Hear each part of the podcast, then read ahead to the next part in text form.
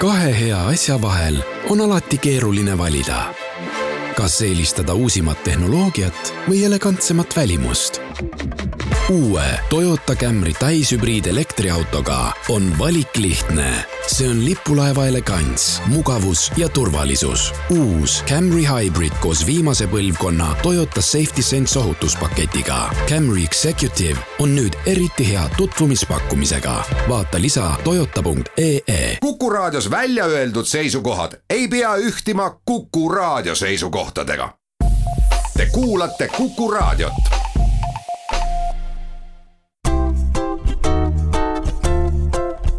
patsiendiminutid. patsiendiminutid toob teieni Eesti Patsientide Liit. tere, hea Kuku raadio kuulaja! mina olen Kadri Tammepuu ja täna me räägime, kes on kiropraktik ja millal võiks kaaluda, kas kiropraktika aitaks tervist tagasi tuua. meil on liinil pikaajalise kogemusega kiropraktik ja Eesti Kiropraktika Liidu looja ja eestvedaja Kerli Truuväärt, tervist! tere! No võib-olla alustaks äh, ühest loost, mul on päris palju tuttavaid, kaasa arvatud ma ise, kes ei tea, mis asi on kiropraktika. nimelt äh, aasta tagasi tõstsin kodus hantleid ja ühel päeval ei tõusnud mul käed enam näost kõrgemale. no ühesõnaga, ma olin päris häiritud äh, ja mõtlesin, et noh, äkki läheb ära, aga ikkagi ei läinud ära, läks mööda üks nädal ja teine nädal ja siis ma hakkasin juba mõtlema, kuidas köögikapist võiks asju kätte saada, et tuleb köögimööbel ümber teha. ei ole veel selles eas, et nagu mõtleks elu lõpule. aga mõne kuu pärast läks see asi mööda ja hiljem, kui ma ühe tuttava ortopeediga rääkisin, siis ta arvas kirjelduse peale, et äkki mul oli külmunud õlg. kas kiropraktik oleks võinud mind ka aidata ja, ja mida kiropraktik siis oleks sellel juhul teinud, kui mul tõesti oleks olnud külmunud õlg? Jaa, et, et see on selline möödaminnes antud äh, diagnoos, et eks seal võis olla ka tegu mõne teise probleemiga, on ju, otseselt külmunud õlg on, äh, endast ikkagi päris tõsist diagnoosi, et kus äh, ta iseenesest sageli siiski üle ei lähe. kui inimesel on juba diagnoos antud, et sellisel juhul ikkagi saab tõesti pöörduda kas siis kiropraktiku, füsioterapeudi või ortopeedi juurde, kuhu siis inimene satub ning tegelikult saab korraliku raviplaani peale ja see sageli hõlmab ka äh, kiropraktilist äh, ravi ja kiropraktikuna ma oleks kindlasti vaadanud siis selle ajaloo läbi, äh, et millised on need liikumismustrid ja harjumused ja pikaldane selle käe kasutus, äh, mis viis selleni, et see käsi niimoodi ei tõusnud enam silmadest kõrgemale.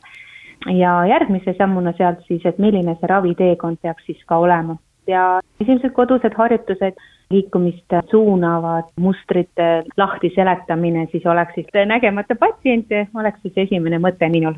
igal juhul, nagu võis minu kirjeldusest aru saada, siis ei olnud ma kuigi hea hantlite tõstja, mul lihtsalt tekkis niisugune mõte, et ma tahaks, et mu käelihased kuidagi areneks. aga ma püüdsin kinni, et oleks võinud minna ka füsioterapeudi juurde, et mis vahe on kiropraktikal ja füsioteraapial? Jaa, et, et justkui inimesed liigitavad need ühte patta, on ju, et, et kiropraktika ja füsioterapeut Eestis ei koolitata kiropraktikuid. minu haritus siis Ameerikast, aga siis lähimad teised Eesti kiropraktikud käinud Inglismaal ja Rootsis, Taanis on ka väga hea kool. olenevalt siis, kus riigist kiropraktik on nüüd oma hariduse saanud, vajavad Doctor of Chiropractic kraadi ja see hõlmab siis seda, et sa oled esmatasandi arst ja saad äh, võtta patsiendi iga murega vastu ja suunata õige raviteekonna poole. kas see vajab äh, kiropraktilist ravi või vajab ta teistsugust sekkumist, seda siis oskab ka kiropraktik soovitada.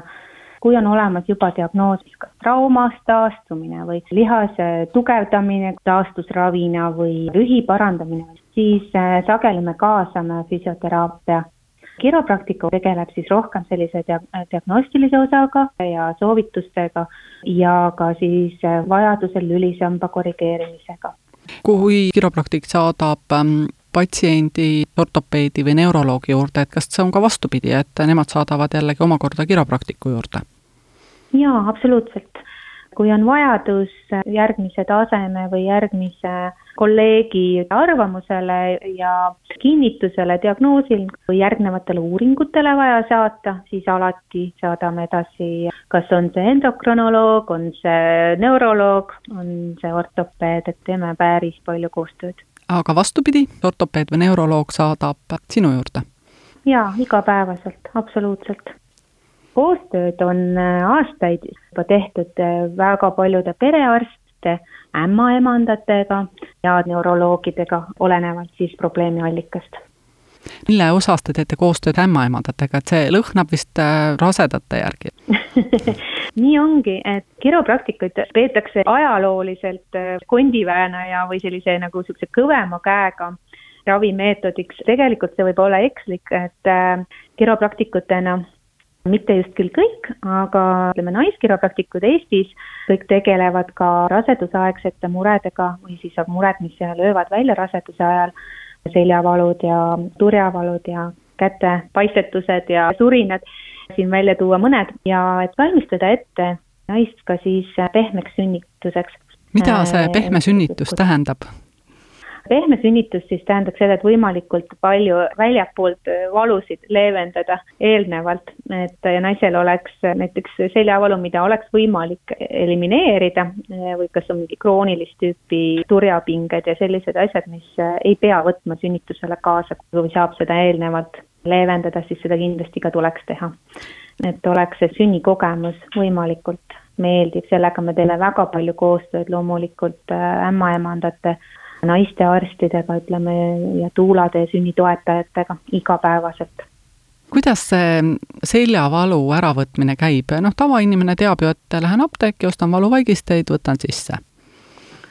ja, ja ma arvan, et see tava, tavainimene, eks ju, kes seda selga on aastaid valutanud, teab ka seda, et valuvaigisti või siis apteegist saadud kreem ei võta seda valu päriselt ära, et ta võib natuke leevendada ja hetkel võib-olla saab liikuma ja valu leeveneb, aga kui on kroonilist tüüpi seljavalu, mis jääb korralikult välja ravimata, siis kipub ta tulema tagasi ja ikkagi kipub tulema tagasi ka pikaajalisemalt ja sageli süvenumalt ja, ja intensiivsemalt.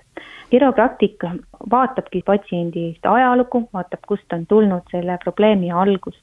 mis ta teeb selleks, et seda probleemi või siis noh, seljavalu, eks aidata, mis on need negatiivsed asjad, mis tegelikult süvendavad hoopiski probleemi. et aidata niimoodi kaardistada selle olukorra, milline on optimaalne lootus, ootus probleemi lahenduseks, mis ta peab ise tegema, mis on kodused harjutused, muutused oma rühis, igapäevaasendites. see on ju see kõige tähtsam, mis tegelikult kas siis toetab su tervist või siis laastab su tervist samas, et kui ei ole punaseid lippe, kui on tõesti kiropraktiline ravi näidustatud, et see selgubki siis ütleme ka esimese intervjuu ja, või sellise jutuajamise terviseajaloo analüüsist, kas inimene vajab kiropraktilist sekkumist. aga mis need punased lipud siis on, millal kiropraktika ei sobi?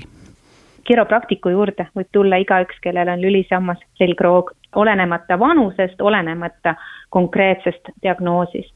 aga kuidas teha, mida teha, kui palju teha, see oleneb siis äh, tervise ajaloost kui selgub, et ainult saame kas väikeste harjutuste või siis pigem nagu nõuandmisega, siis ka niimoodi me teeme, et kiropraktikul ei ole mingit ühte agendat või ühte nagu sellist ravimeetodit punased lipud on äh, sageli äh, asjad, millega tuleb edasi suunata, kas siis neuroloogi juurde, neurokirurgi juurde, teemad, äh, mis vahel harva ka vajavad hoopis EMO-sse minekut.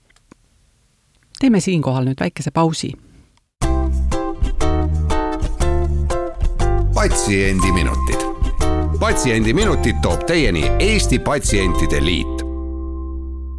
oleme pausilt tagasi ja ajan juttu Kerli Truuväärtiga. kui kiropraktikuid kutsutakse ka arstideks, et kui pikk see kiropraktiku õpe näiteks Ameerikas on ja kas ta erineb sellest õppest, mis on Euroopas? jaa, et äh, miks Eestis üldse on äh, kiropraktikuid vähe ongi sellest, et äh, päris õige kiropraktilise haridusega, mis siis on kas siis Doctor of Chiropractic Ameerikas või Masters of äh, Chiropractic Inglismaal kraadiga kiropraktika väljaõppe saanud inimesi alla kümne. ja kui meil isegi õnnestus üle mitme aasta saada jutule Sotsiaalministeeriumisse, kus me siis seda legaliseerimist või seda seaduse muutust ka arutasime ja peamine probleem, miks kiropraktikuid Eestis reguleerida hetkel ei saa, ongi meie vähesus ja hariduse kättesaamatus. mujal maailmas oleme me reguleeritud kui kiropraktika arstid, doctor of chiropractic, kandes siis ka nagu sellist lühendit nagu DC või DC oma nimega, aga Eestis oleme me lihtsalt kiropraktikud hetkel aga selleks, et minna õppima kiropraktika arstiks, peab sul olema Ameerika näitel toon hetkel siis bakalaureusekraad ja peale seda, kui sa oled vastu võetud kiropraktika kooli, algab väga intensiivne õppeprotsess, mis hõlmab endast kümmet trimestrit. no läheb seal koos kliiniku ja muudega üle nelja aasta ilma vahepausideta, et siis bakalaureus pluss siis neli, neli aastat on äh, Ameerika süsteemis, Inglismaal on natukene vist teine süsteem, seda täpselt äh, ma peast ei oska teile neid äh, öelda. aga sa mainisid arstiks, siis jah, et kiropraktika arst, eks, et see sõna sinna ette öelda, et doctor of chiropractic, samamoodi nagu on siis doctor of dentistry, et hambaarstid, sarnane ülesehitus haridusele Ameerikas vähemasti, on nii hambaarstidel kui siis kiropraktika arstidel. aga see bakalaureusekraad, kas see peaks olema terviseteadustes või võib olla ka mingil muul alal? seal on teatud ained, mis peavad olema tehtud, võetud, äh, keemiad, füüsikad, äh, matemaatikad kui sul on äh, liberal arts või sul on hoopis psühholoogias äh, bakalaureuse kraad, siis sa pead sealt juurde võtma niimoodi neid bakalaureuse taseme tunde, et kõik teatud äh, ained oleksid sul olemas aga kui teid on nii vähe, ütlesid, et alla mm -hmm. kümne on Eestis mm, -hmm. et kas kõik kiropraktikud töötavad Tallinnas? Kuidas ma mõtlen, ei vist kõik ei tööta Tallinnas. Ähm,, Tartus on meil ka. Ja ütleme, enamus kiropraktikuid on läbi aastatega käinud kas siis kord nädalas, kord kuus kuskil Eesti linnas ka vastu võtmas. ise samamoodi käinud Haapsalus, Viljandis, Pärnus. Ja ma tean, et teised kiropraktikud samamoodi ikkagi kas käivad oma nii-öelda juurte või kodulinnas rohkem, aga on hakanud õnneks väljapoole Tallinna piire ka see võimalus avanema kasv on olnud suur, et kui mina tulin Eestisse kaks tuhat kaheksa, siis ei olnud ühtegi täiskohaga kiropraktikut Eestis, et oli meid kolm, kes käisid äh, Eesti ja siis mingi teise riigi vahet. nii et ütleks, et meil läheb päris hästi ja see räägib natukene ka sellest, et tervishoiusüsteem ei suuda kõikide inimeste probleeme ära lahendada ja nad peavad otsima võimalusi erameditsiinist. aga mm, kuidas see info, mis puudutab tervist ja eelnevaid haigusi, no minul oli lihtne lugu oma õlaga, et mul polnud varem midagi taolist olnud, aga kui inimesed on tõesti aastakümneid olnud erinevate probleemide küüsis või kui näiteks mõni neuroloog või ortopeed saadab kiropraktiku juurde, kust see terviseinfo kättesaadavaks saab, sest no ma saan aru, et äh, digilukku kiropraktik minna ei saa? Äh, digilukku kiropraktik minna ei saa, ta üldiselt nad tulevad kirjeldusega saatva arsti poolt. Ja loomulikult on meil endal küsimustik, mille järgi me nagu saame selle vajaliku info patsiendi käest kätte, et aga kui on jah, saatjaks on perearst või neuroloog või ortopeed, siis nad üldiselt tulevad juba diagnoosiga ma saan aru, et teie juurde saab tulla ka ju otse, et kuidas üks tavaline inimene vahet teeb, milline kiropraktik on nüüd õppinud ja milline on ähm, no ütleme, selline isehakanud, et kael ja selg näiteks on nii õrnad asjad, et mm -hmm. ei taha nagu igaühe kätte neid usaldada. No see ongi ülioluline tegelikult, et, et miks see õppimine nii kaua ja nii intensiivne on ja nii kallis ka, et miks meid nii vähe on, eks ju selleks, et äh, tagadagi siis äh, ohutu ravi korrigeerimine. ja loomulikult äh, kõigil meil kümnel või valla meid on alla kümne, on info internetist saadaval, kus me oleme õppinud, mis aastatel, mis on meie nagu selline suunitlus, kindlasti uurida tausta, et see on mitte see, et naabrinaine käis või et minu tuttav kuskilt kirjutas mingisuguses foorumis, kuskil kommenteeris et sealt tuleb see info, mis ei ole võib-olla alati kõige tõesem. et kõigi äh, kiropraktikute hariduste ja kus nad on äh, ülikoolis käinud, on internetis saadaval, kui ei ole saadaval, siis ongi kohe küsitav. aga kui nüüd äh, terapeut on siis natukene valetanud ja vassinud, siis tegelikult teda ei takista täna mitte miski? jaa, kahjuks nii on, jah praegu seadus ei hakka kuskilt pidi siin kellelegi külge, et, et tegelikult on ikka neid silte nähtud äh, kuskil äh, akna peal, et, et kiropraktilist ravi pakutakse, et, et siis Eesti Kiropraktika Liidu liikmetena me tavaliselt jagame seda infot, võtame ühendust, küsime, uurime, aga kuna meil igasugune seaduslik alus puudub, siis meil tegelikult ei ole ka muud teha, kui kehitada õlgu ja öelda, et noh, loodame, et et sul nagu siin väga hullu midagi ei korralda, on ju. ja no üks võimalus on see sealsamal liidu lehel, need äh, kiropraktikud, kuna teid ei ole ju praegu vähemasti palju, et äh, panna nad kirja, et äh, siis nad on kõik inimestel silmade ees.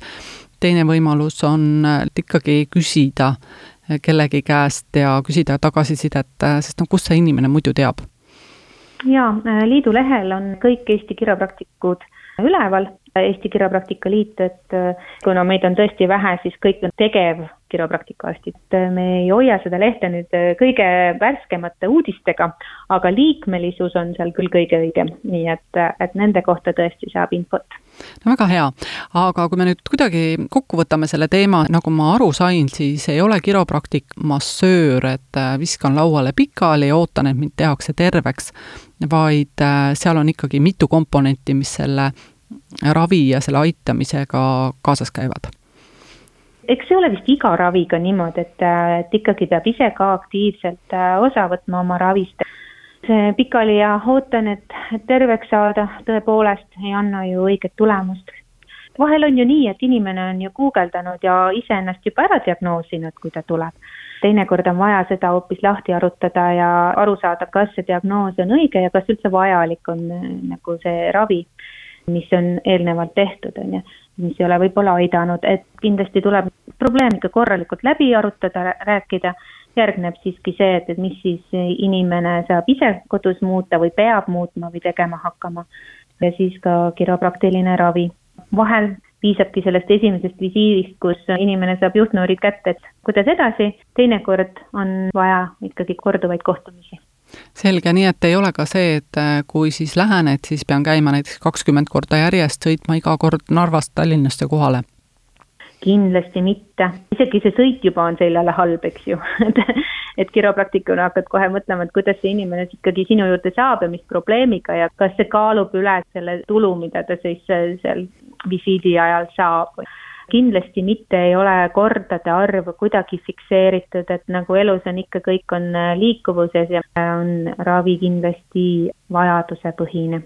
mõni tuleb, ütleb, et vot mina küll neid harjutusi tegema ei hakka, istun edasi, mulle meeldib mu töö arvutis ja siis ta peabki rohkem saama ka sellist passiivset toetust. Aga enamjaolt ikkagi Eesti inimene eriti tahab olla ise hästi aktiivne ja kodus kaasa lüüa. Lihtsalt suunamine on juba väga suur asi. Nii et äh, võimalusi on erinevaid, igaüks valib sobiva ja kui inimesed tulevad, siis loodetavasti saavad ka selja või õla või kaelaprobleemidega või ka rasedad oma rasedusaegsete valudega kiropraktiku juurest abi. jaa, sageli jõuavad ka, ütleme, minu juurde inimesed kes ei ole saanud mujalt abi, et nad ongi käinud äh, erinevate soovituste järgi spetsialistide juures, kõik on uuritud, on öeldud, et olete justkui terve, et meil midagi ei olegi teile nagu raviks määrata väga sageli on see nagu selline päris õige kiropraktiku patsient, et äh, hoopis saame läbi lülisamba ja, ja liikumise ja selle tervikliku pildi aru, millega on üldse tegu. aga suur aitäh Kerli Truuvet, Eesti Kiropraktika Liidu eestvedaja, täna saates meil äh, oma tööst rääkimast. suur tänu ja aitäh kuulamast! ja täname kõiki kuulajaid, küsimusi küsis Kadri Tammepuu, kuulmiseni nädala pärast ja seniks olgem terved! Patsiendiminutid. patsiendiminutid toob teieni Eesti Patsientide Liit